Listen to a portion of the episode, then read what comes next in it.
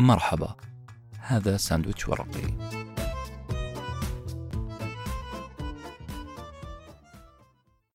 كتاب أليكس فيركسون My Autobiography سيرتي الذاتية. كتب هذا النص وألقاه أنس ابن حسين.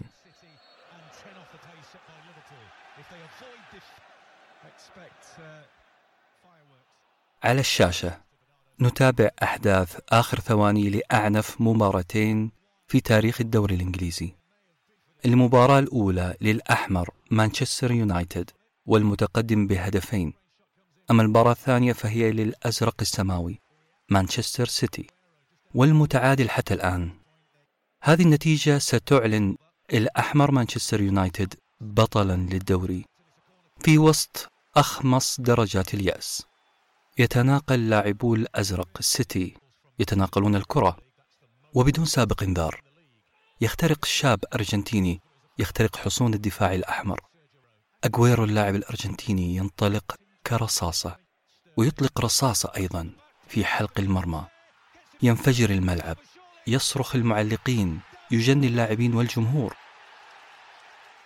ليطلق بعد حكم المباراة صافرته معلنا ثلاثة أشياء. أولا نهاية المباراة. ثانيا بطولة للأزرق مانشستر سيتي بعد حرمان أربعين سنة من الدوري. ثالثا شغب هوليغاني في صالة بيتي. نعم في صالة بيتي أنا. شغب ندمت عليه لاحقا. الكل فقد توازنه في هذه الليلة إلا شخص واحد فقط. شخص واحد يظهر على الشاشة. كان يصفق بهدوء وبإيماءات تقول ليلة للنسيان ولنبدأ الإعداد من جديد. كان هذا الهادئ هو مدرب الفريق الخاسر هو السير أليكس فيرغسون مدرب مانشستر يونايتد الخاسر الأكبر في تلك الليلة وبطل بودكاست اليوم.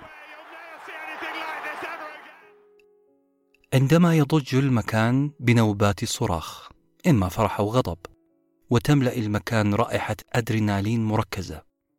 ترتجف بسببها الأطراف وتخرس الكلمات فأنت بالتأكيد أمام أحداث مثيرة لمباراة ما. عندما تجد وسط كل هذه الفوضى رجل يحكم قبضته على مشاعره شخص متماسك سلوكه أدرينالينه فأنت بالتأكيد أمام ملك ضبط النفس زعيم control الأعصاب سيد الهدوء والتخطيط. أنت بالتأكيد أمام السير أليكس فيركسون مدرب مانشستر يونايتد المدرب الذي قضى 25 سنة في تدريب هذا الفريق. السير أليكس صاحب الوجه الخالي من أي تعبير. سترى فقط رجل ذو فكين قويين يلوكان بسادية قطعة من العلكة. هذه العلكة التي تمنت لو كانت أي شيء آخر إلا أن تكون علكة في فم هذا القائد. هذا القائد دائم التركيز. ولعلها هذه هي الميزة التي دفعت كلية هارفارد للأعمال. أن تستقطب السير أليكس فيركسون كي يحاضر على طلابها عن موضوع مهم موضوع لا يتقنه إلا هو موضوع القيادة. هذه السيطرة التي تميز بها السير أليكس فيركسون لها سبب وهذا السبب هو إيمانه العميق بالمثل الإسكتلندي الذي كان يسمعه وهو صغير المثل القائل sweeter after difficulties. أي لا حلاوة إلا بعد العرق والتعب. أو زي ما قال كاظم الساهر اللي يريد الحلو يصبر على مرة. سؤال هل ولد فيركسون كقائد؟ ولا هي الظروف اللي صنعته؟ بالأصح هل القيادة فيه وفي غيره من البشر صناعة أم جينات؟ إذا كانت القيادة صناعة هل هو من صنعها بملء إرادته أم أن الظروف الاجتماعية والاقتصادية التي عاشها طبعا فيركسون حتمت عليه أن يصبح قائدا هل القرارات القيادية الناجحة هي قرارات وليدة اللحظة أم هي قرارات تعد بعد دراسة طويلة؟ هل نحن نحتاج إلى تخطيط وإعداد طويل المدى؟ أم المسألة مجرد إرادة وقوة تصميم؟ ولا الحظ له نصيب؟ هل الحظ له نصيب الأسد في هذه المعادلة؟ هذه الأسئلة كلها دارت في بالي قبل قراءة الكتاب كتاب اليوم أما بعد قراءته اكتشفت أن الكتاب يستاهل أن نحوله لوجبة لتتلذذوا فيها بدروس في القيادة والدهاء القيادي جولات سياحية في الجزيرة البريطانية ومصطلحات إنجليزية جديدة ونادرة مصطلحات ظريفة ومحلية جدا. بالعافية مقدما هذه السيرة الذاتية. للرجل اللي خلى جمهور مانشستر يونايتد يتذوق ويغني عن الجلوري عن المجد والانتصار.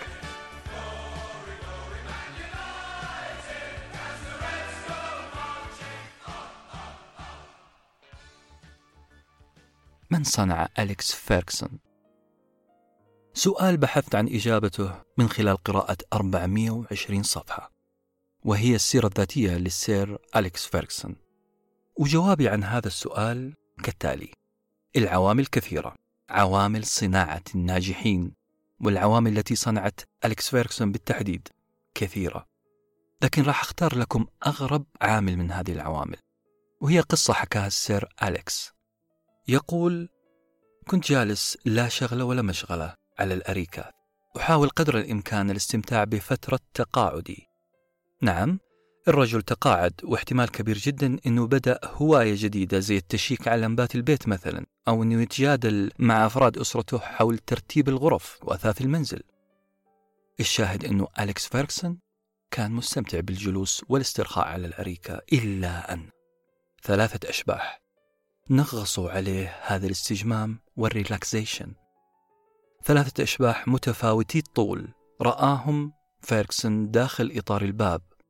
ثلاثة ظلال مخيفة مطلة على غرفة الجلوس.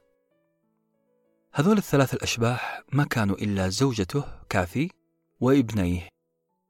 أفراد العائلة اجتمعوا وكأنها عملية إضراب أو مظاهرة صغيرة. قالوا له في صوت واحد أليكس قررنا أنك ما حتكمل تقاعدك. أليكس فيركسون كعادته أدار ظهره وكأنه ما سمع شيء إلا أن زوجته وفي نفس واحد قالت أليكس أولا صحتك جيدة ثانيا أنا ماني مستعدة أن تكون في البيت طوال الوقت ثالثا أنت لازلت صغير يا رجل. أعتقد أنه أليكس فيركسون سمع أحلى جملة ممكن يسمعها أي رجل من زوجته أنت صغير. وأعتقد أن هذه الثورة على فيركسون هي واحدة من أهم عوامل نجاح بطلنا اليوم أليكس فيركسون. جيش يدفعك عاطفيا ولفظيا للعمل قائلا. روح اشتغل والقلب داعي لك. كان فيركسون قد اعتزل التدريب وهو في قمة مجده. يقول عن هذه الأيام بأنه عاش خوف من أنه لن يستطيع تقديم أكثر مما قدم. بالحرف الواحد يقول أنا وصلت لنهاية قوس قزح. وهذه الجملة دلالة على أصعب إنجاز ممكن توصل له الوصول إلى نهاية طرف قوس قزح.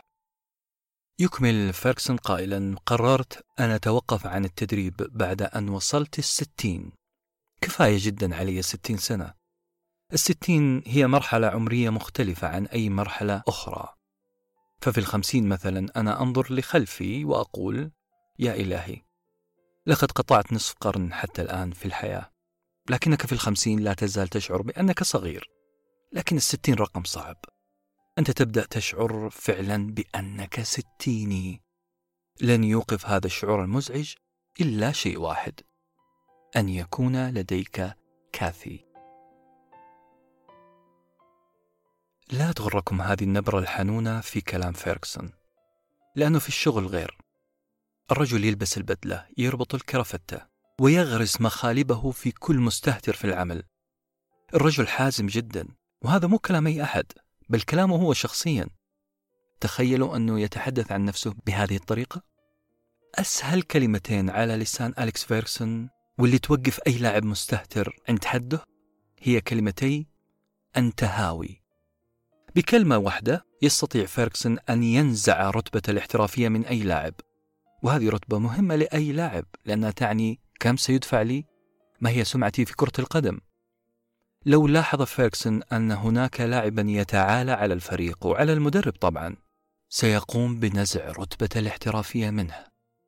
يقول أليكس فيركسون في اللحظة التي يعتقد أحد لاعبي المان يونايتد نفسه أكبر من النادي أو المدرب فعليه بالرحيل. نقطة آخر السطر. سطور هذا الكتاب تطفح بقصص جبروت هذا الرجل. أليس هو المدرب الذي ركل الحذاء الرياضي ليرتطم في وجه أشهر لاعب في إنجلترا ويمكن في العالم في ذلك الوقت؟ نعم. أليكس فيركسون هو من جعل بيكهام يهرب من مانشستر يونايتد. فيركسون تنبأ بسقوط بيكهام لأنه بحسب تعبير أليكس فيركسون بيكهام بدأ يركز على مهارات التموضع أمام الكاميرا أكثر من مهارات لعب كرة القدم. فيركسون ما يخفي هذه الصرامة لأنه يقول أنا أحتاج أن أستخدم في الوقت المناسب مزاجي الغاضب. My quick temper is a useful tool. وعندما يقول فيركسون أنا أستخدم هذه الأداة الغضب فهو يعنيها. نعم الغضب أداة لها فوائد عملية وليست مجرد ردة فعل عشوائية هذه حكمة عظيمة من أليكس فيركسون الغضب وملامح الغضب وكلمات الغضب سلاح فقط لتأمين سيادتي على اللاعبين وفرض شخصيتي كقائد. يا ترى كيف أصبح فيركسون فيركسون من أين استقى هذه الصرامة والقدرة على ضبط الفوضى؟ الجواب ببساطة شديدة جدا فيركسون مو خريج كامبريدج أو أكسفورد. لا هو شاب عاش شبابه المبكر في مكانين مكانين يشتهران بإمكانية اشتعال أي فوضى في أي لحظة. فيركسون لعب كرة القدم في نادي اسكتلندي مغمور جدا. فيركسون كان يعمل في حانة تمتلكها عائلته. تعود فيركسون على التعامل مع مدمني المخدرات ومتعاطي الخمور.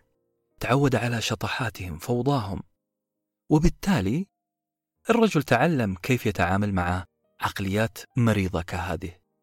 فيركسون تعلم كيف يتعامل مع عقليات بنصف عقل. السير أليكس يقول لقد تعلمت التأقلم مع كل حدث مفاجئ وبسرعة. كثير من الناس يستغربون كيف لي أن أنجح في إنجلترا وأنا مجرد إنسان عاش شبابه في مدينة غوفان الساحلية الصغيرة. تعليقات الناس وتلميحاتهم بأني معجزة لأني استطعت أن أنجح في إنجلترا وأنا من أصل اسكتلندي. هي ملاحظة غير لطيفة هي ملاحظة تهجمية. يقول السيد أليكس فيركسون هي ملاحظة تهجمية راح أمشيها بمزاجي لسبب بسيط. إني مؤمن تماما بأن كوني من طبقة عاملة في مدينة صغيرة لم يكن عائقا أمامي أبدا. بالعكس تماما أنا كنت سبب في تكوين شخصيتي التي ترونها اليوم. سبب في جعلي شخص بدأ في تدريب لاعبين يستلم الواحد فيهم ستة جنيه في الأسبوع تقريبا وهذا مبلغ تافه جدا. تحولت من هذا الشخص إلى مدرب يبيع كريستيانو رونالدو بقيمة 80 مليون جنيه. وهنا بدوري كقارئ. لا أستطيع وصف سعادتي بهذه الجملة. أنا أرتاح شخصيا لما أسمع شخص مبسوط بماضيه. هذا الرجل وهذا الكتاب يستحقون مزيدا من البحث. نشأ أليكس فيركسون في مكان مليء بالصراعات.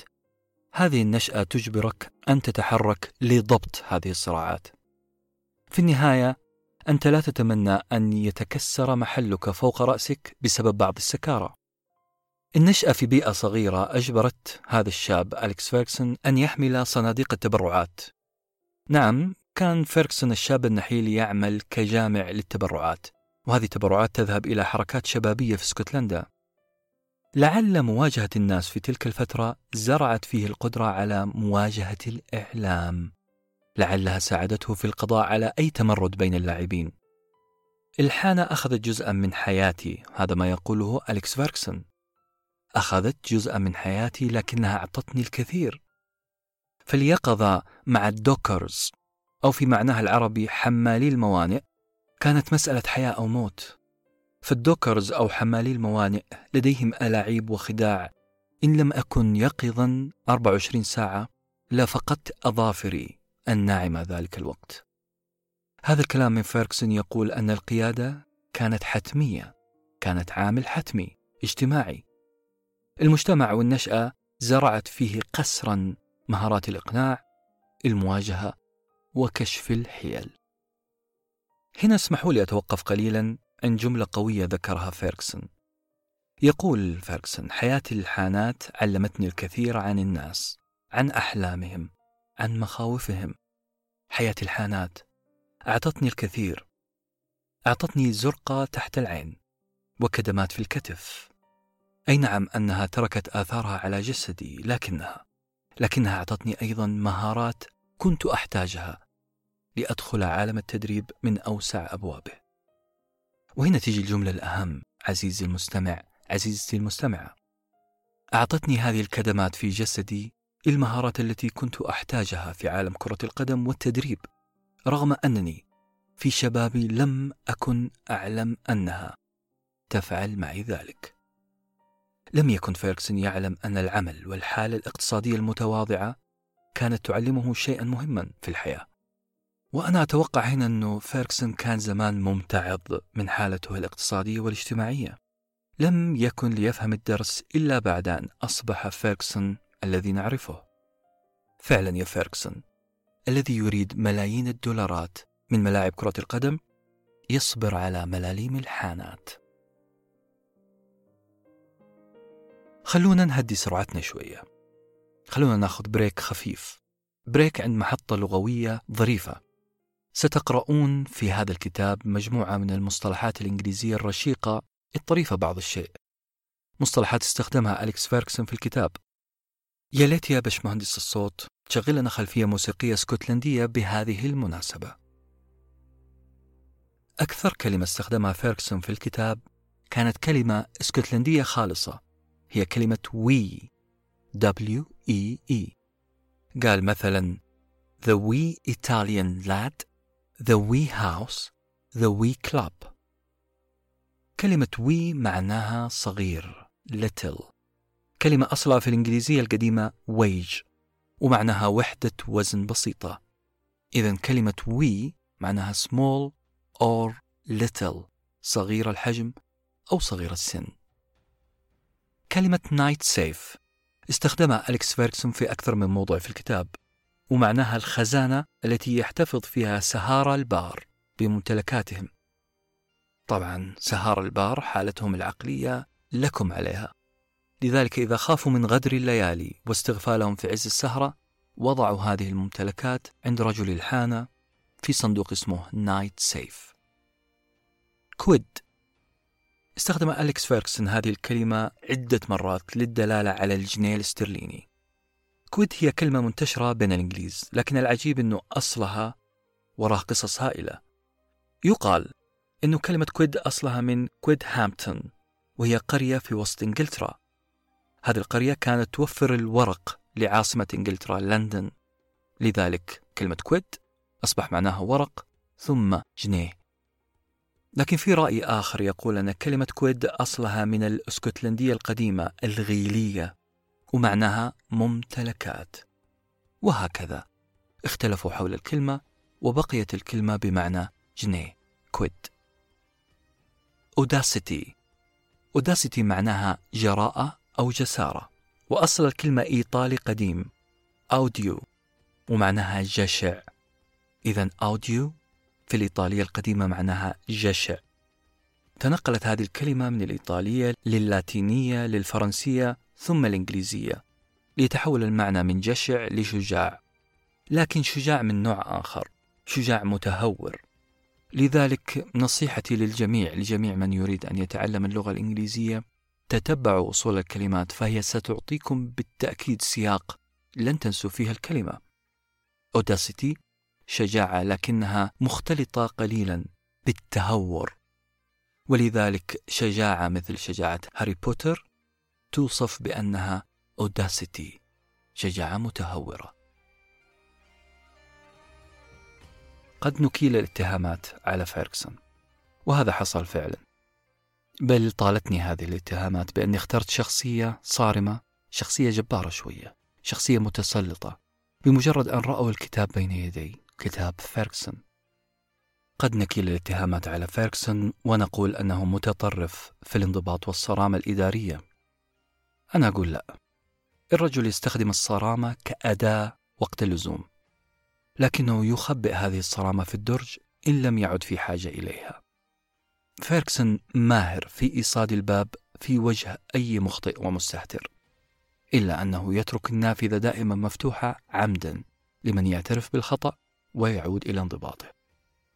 بمعنى آخر فيركسون دائما ما يترك خط للرجعة وهذه قمة العقلانية قمة الدبلوماسية. الدليل هو قصة الخلاف بين كريستيانو رونالدو وروني. في كأس الأمم الأوروبية قابل الإنجليز منتخب البرتغال. بمعنى آخر كانت في مواجهة بين اثنين من أبطال ونجوم مانشستر يونايتد رونالدو البرتغالي وروني الإنجليزي. المشكلة بدأت حين تهور روني الإنجليزي كعادته وركل لاعب برتغالي. يقفز رونالدو بروح وطنية قوية أمام الحكم محرضا ضد روني. روني غضب جدا ودافع رونالدو وهو يتمتم بكلمات كأنه يقول له أنا ماني ناقصك أنت الثاني.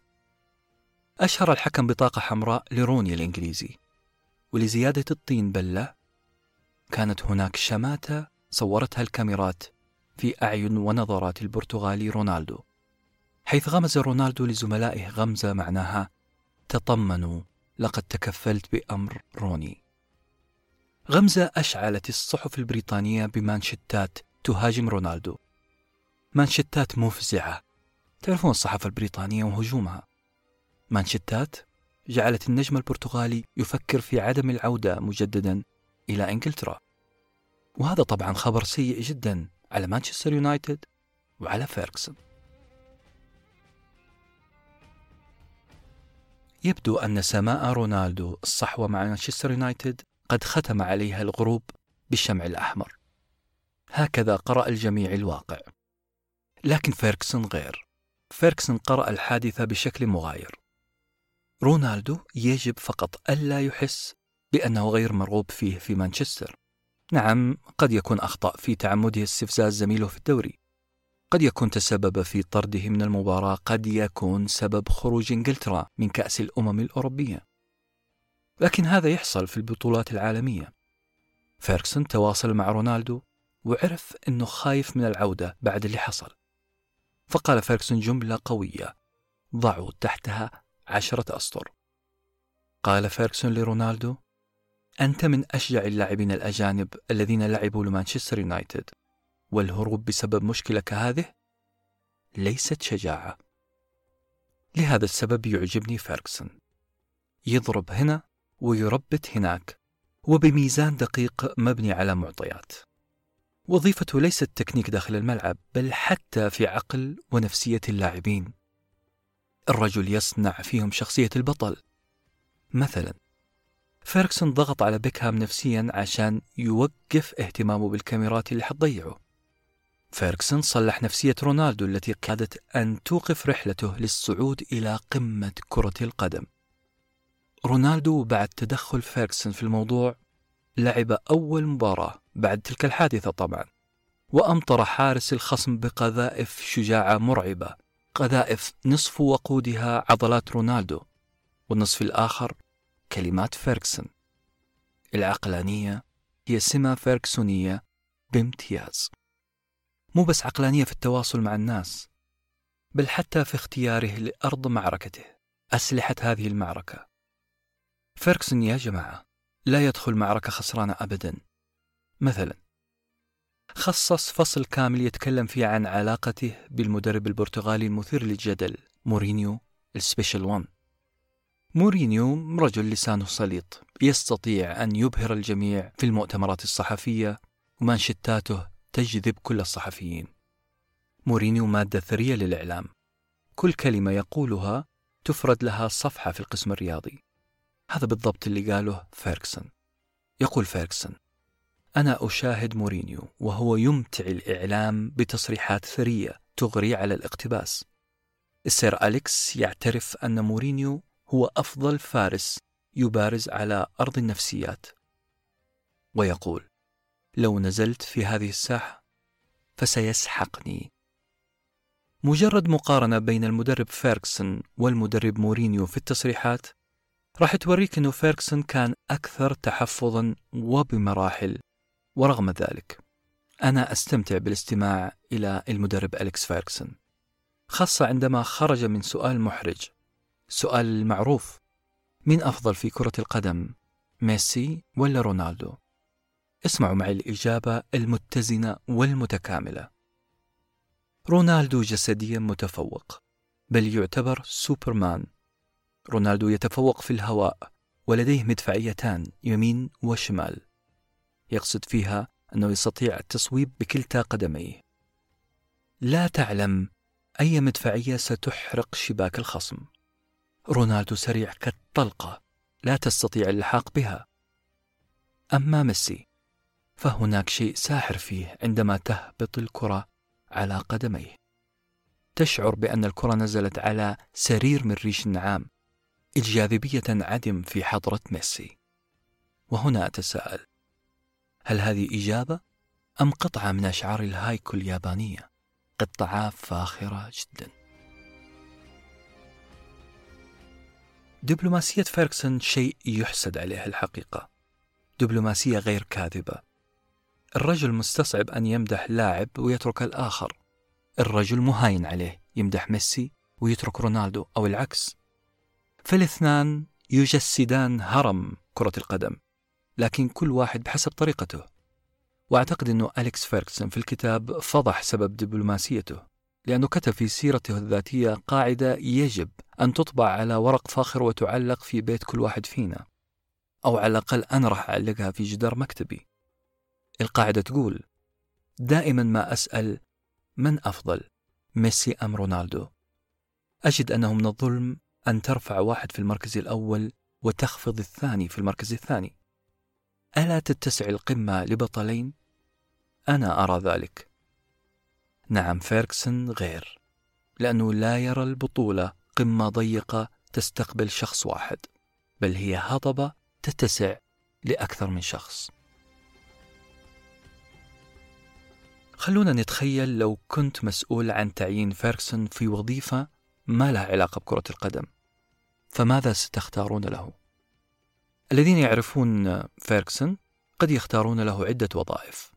وظائف إدارية في الغالب مدير تنفيذي عضو مجلس إدارة في التسويق في الموارد البشرية.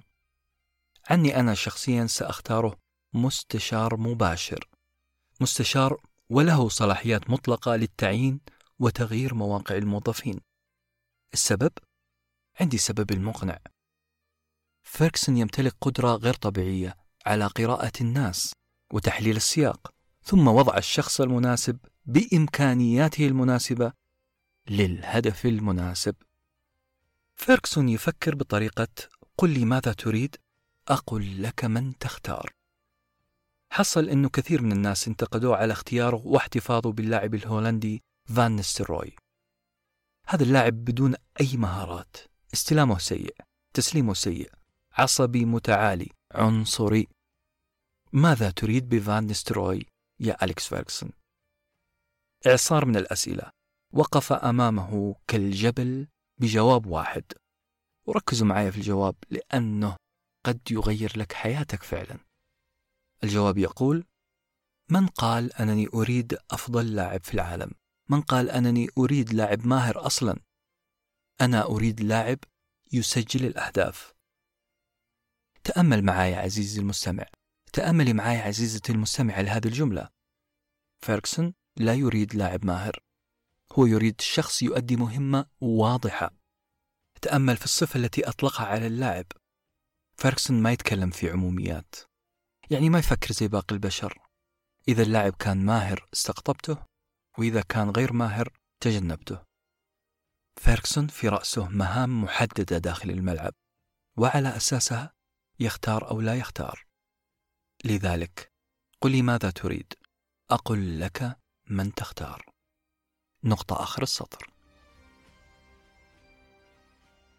نختم معكم بقائمة ال top 7 ونقصد فيها أبرز سبع اقتباسات ناخذها من كتاب السيرة الذاتية لأليكس فيركسون رقم سبعة.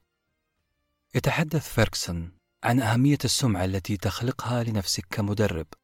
عندما تخلق لنفسك سمعة أن كل سلوك تعمله له هدف فإن ذلك سيعذب خصومك.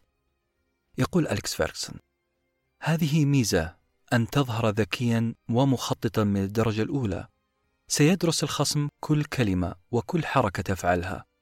لقد أطلقت ملاحظة واحدة في مؤتمر صحفي. كانت كفيلة بإشعال الخصم في حرب نفسية. نعم هي لعبة نفسية كنت أمارسها لا شعوريا ولم أعرف عنها إلا من خصومي. كنت أتفوه بملاحظة فيسهر الخصم محاولا تحليلها. رقم ستة. حاول فيركسون أن يتحدث عن ثقة اللاعب في نفسه وما يسقطها وما العوامل المهمة لاستعادة هذه الثقة. فيقول حتى أعظم اللاعبين قد يسقط قد يفقد ثقته في نفسه. قد يغرق في وحل الشك في إمكانياته. وقتها سيضيع كليا إلا إذا كانت في الفريق ثقافة صحيحة. يعرف اللاعب أنه سيسقط في أحضان زملائه وفي طاقم يعيدونه لتألقه من جديد. رقم خمسة. حكى فيركسون عن حادثة رجوع رونالدو إلى الملاعب بعد مشاجرته مع روني وكيف أن أفعالك هي من تسكت خصومك. فيقول كان ذلك المشجع المتنمر يصرخ ويشتم حتى أسكتته تلك التصويبه العنيفة على مرمى فريقه سكت وجلس ولم يحرك ساكنا بقية المباراة. أفعالك ونجاحاتك ستخرس الجميع. رقم أربعة. تحدث فيركسون عن مشكلة المدافعين في كرة القدم وعن كبر السن فيقول عندما تكبر في السن وأنت لاعب تجيد الدفاع. يجب عليك ألا تنسى أن سرعتك ومجهودك سيقل مع الزمن. ابقى قريبا من الخصم. ابقى قريبا قدر الإمكان. بمعنى آخر يجب أن تكون في مسرح الجريمة قبل وقوعها. رقم ثلاثة. أما عن إدارة الأفراد فلفيركسون نظرية غريبة ستعجبكم. قال فيها قدر الإمكان لا تسمح لنفسك أن تحب لاعبيك لا تحب موظفيك لأنهم وبمجرد معرفتهم بذلك بأنك تحبهم سيخذلونك. رقم اثنين أما عن استغلاله للظروف فلفيركسون نصيحة جميلة جدا في التعامل مع الأسئلة الصحفية يقول فيها أرتاح كثيرا عندما يسألني صحفي ثرثار أشعر بالسعادة عندما يطيل الصحفي سؤاله فهذا يسمح لي بالبحث عن إجابة. وأهم وأبرز هذه المقولات هي المقولة رقم واحد. number 1 شرح فيها فيركسون كيف يتعامل مع الصحافة. ماذا يفعل ليظهر بالمظهر اللائق؟ فيقول قبل أن أخرج للعالم وأعتلي منصة المؤتمر الصحفي أنا أجهز نفسي.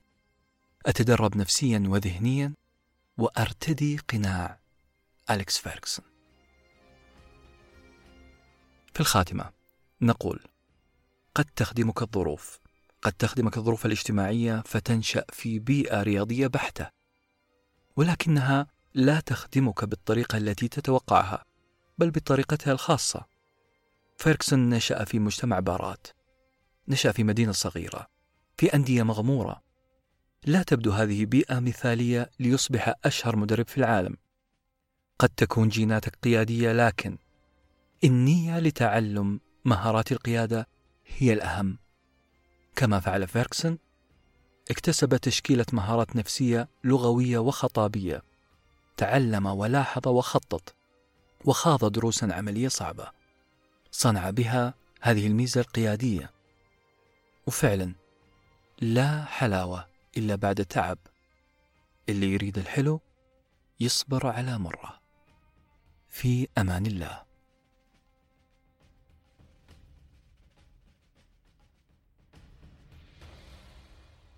كنتم مع ساندويتش ورقي وجبة معرفية نتشارك لذتها.